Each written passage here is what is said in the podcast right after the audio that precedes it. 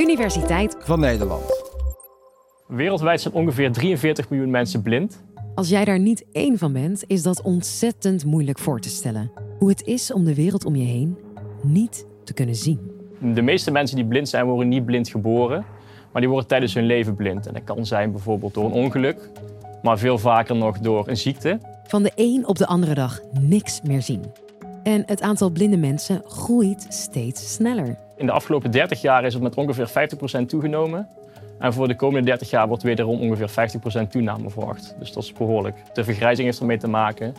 Er zijn heel veel uh, oorzaken van blindheid die met de leeftijd te maken hebben. Ook onze moderne leefstijl heeft invloed. Het beeldschermgebruik is ook, is ook heel belangrijk. En dat is zeker een oorzaak van blindheid. Maar het is nog maar de vraag hoe zich dat gaat uiten. Want dat is pas iets van de afgelopen decennia. Maar het zal er, het zal er niet beter van worden, denk ik. Wetenschappers zijn al jaren bezig met een oplossing om het zicht te herstellen. Niet alleen dokters en medici, maar ook Tom van Nune, een elektrotechnicus. Je hoorde hem al. Wij kunnen blinde mensen zwart-wit patronen laten zien. Een beetje vergelijkbaar met een matrixbord boven de snelweg. En dan zou je kunnen zeggen, is dat nou zicht? Maar in vergelijking met helemaal niks kunnen zien is het natuurlijk fantastisch. Hoe werkt dat? Wij zijn de Universiteit van Nederland en zijn vandaag op de TU Eindhoven met de vraag: hoe kun je blinde mensen weer laten zien? Het is best een technisch verhaal. Om dat te snappen begint Tom met de basics. Hoe werkt dat zien eigenlijk? Het licht komt binnen in de ogen en daar valt het op het netvlies. En in het netvlies zitten een heleboel lichtgevoelige cellen die dat licht omzetten in een elektrisch signaal. Dat elektrisch signaal dat reist van de ogen door de oogzenuw naar de visuele schors hier aan de achterkant van je hersenen. En daar wordt het in een aantal stappen omgezet in een beeld dat wij echt als zicht ervaren. Dus je ziet inderdaad met je achterhoofd als je het zo bekijkt. Nou, wat gebeurt er nou als mensen blind zijn? Heel vaak zit het probleem dan in het oog. Het kan zo zijn dat het licht het oog niet meer in kan, omdat bijvoorbeeld de lens troebel is geworden. Wat ook kan gebeuren is dat de lichtgevoelige cellen beschadigd zijn, waardoor ze geen signaal meer kunnen maken, geen elektrisch signaal meer kunnen maken. Of dat het netvlies is losgelaten van de rest van het oog, waardoor het licht niet meer fatsoenlijk op het netvlies kan vallen. Nou, eigenlijk in al deze gevallen werkt de, optische zenuw werkt nog prima, werkt de visuele schors nog prima. Alleen daar komt geen signaal meer aan, want er wordt geen signaal gegenereerd door de ogen. Die visuele schors is maar aan het wachten en wachten op dat belangrijke elektrische signaal. Ja, komt maar niks. En hier komt Tom om de hoek kijken. Met elektrotechniek proberen wij met stroom en spanning signalen te versturen van A naar B.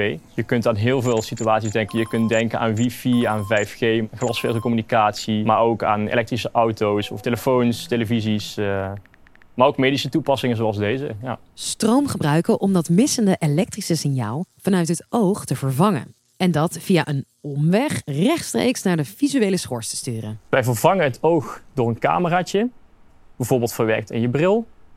Het signaal van die camera gaat naar een computer, daar wordt het verwerkt. En vanaf die computer gaat het signaal uiteindelijk terug naar een aantal elektrodes. Die elektrodes die zitten achter in de visuele schors. En vanaf daar begint eigenlijk hetzelfde proces als wat met een normaal signaal van het oog zou gebeuren. Maar dat is nu een signaal wat van uh, implantaat afkomt. Dat implantaat zit vol met elektrodes. En die worden in je brein geplaatst. Als je niet goed tegen bloed kan, kun je nu beter even je oren dicht houden. Je wordt gescalpeerd voor een deel, zoals het heel, heel gruwelijk heet. Dan gaat je, je schedel er voor een stukje uit.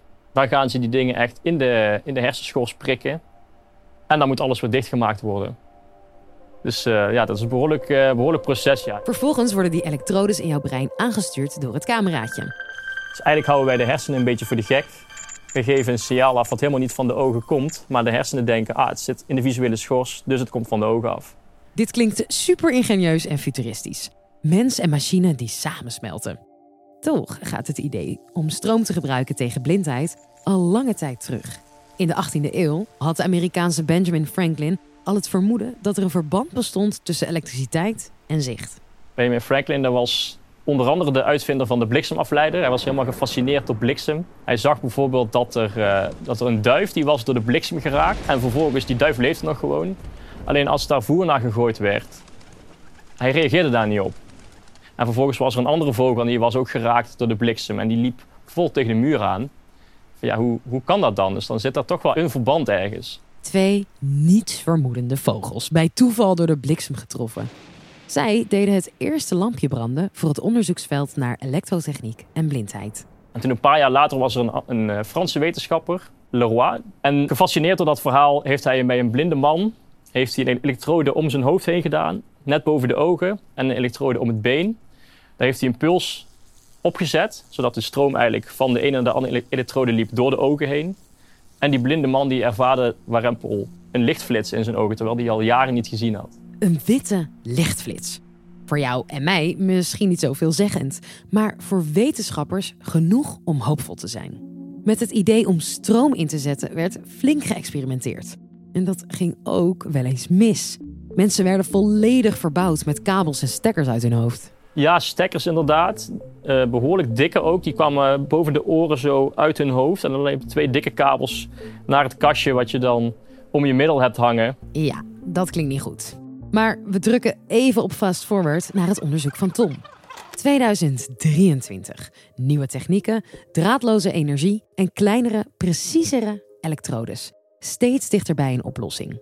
Hij laat ons zien wat hij aan het bouwen is. Nou, ik heb hier zo'n elektrode, of eigenlijk 1024 hele kleine elektrodes. Elke elektrode is kleiner dan een speldenpunt. En dat speldje dat prik je als het ware echt, uh, echt in de hersenen. Elke elektrode staat voor één pixel op jouw gezichtsveld, die je aan of uit kan zetten, zwart of wit. Dat betekent niet een grote witte flits zoals in de 18e eeuw, maar allemaal afzonderlijke kleine witte stipjes. Je kunt het je voorstellen dat elektrode 1 komt overeen met een puntje ergens in jouw gezichtsveld. Elektrode 2 komt overeen met een puntje net weer ergens anders in jouw gezichtsveld. En zo hebben al die 1024 elektrodes, die komen overeen met een locatie in jouw gezichtsveld. Dus als je hem aan zou zetten, komt daar een wit puntje terecht. Als je hem uit zou zetten, dan zie je niks. Je ziet de wereld in zwart-witte puntjes. Nou ja, dat is niet helemaal wat ik me voorstel. Het is natuurlijk niet het zicht wat, wat jij en ik op dit moment hebben. Dat is totaal niet mee te vergelijken ook. Je kunt meer denken aan, aan contouren bijvoorbeeld die je ziet. De contour van een deuropening, de rand van een trottoir, dus zodat je er niet afvalt. Een obstakel op de weg, zodat je daar niet tegenaan loopt. Het gaat om dagelijks functioneren inderdaad. Om zo, zo zelfstandig mogelijk te kunnen zijn. Misschien zelfs zonder blinde geleidestok of zonder blinde geleide hond. Dat je toch gewoon helemaal zelfstandig eh, bepaalde taken kunt uitvoeren. Die vrijheid echt hebt. Om daar nog een betere voorstelling van te maken, neemt Tom ons mee voor een wandelingetje buiten. Daar is natuurlijk waar de mensen het uiteindelijk ook moeten gebruiken. Op straat, niet in het lab. Nou, het systeem werkt dus met een camera. Die kan in een pet zitten of in een muts. Maar in dit geval zit hij in een bril. Ziet, hij valt bijna niet op. Zet ik hem even op. De camera die filmt alles wat hij ziet. Dus ik zie hier een weg met klinkertjes. Ik zie hier een heg aan de zijkant naast de weg. Ik zie een putdeksel. Ik zie paaltjes op de weg staan. Die filmt hij allemaal. En het beeld hiervan, dat wordt naar een computertje gestuurd. En dat kan zijn je telefoon bijvoorbeeld. Zoiets kun je aan denken. Dat zakcomputertje gaat vervolgens druk programmeren. En de eerste stap die hij uitvoert is hij gaat lijnen detecteren. Dus hij ziet bijvoorbeeld de zijkant van de weg ziet hij als een lijn. Hij ziet elk klinkertje ziet hij vier lijnen omheen zitten. Hij ziet het paaltje daar, dat worden, de contouren daarvan worden een lijn. Elk blaadje in de heg wordt uiteindelijk inderdaad ook een lijn.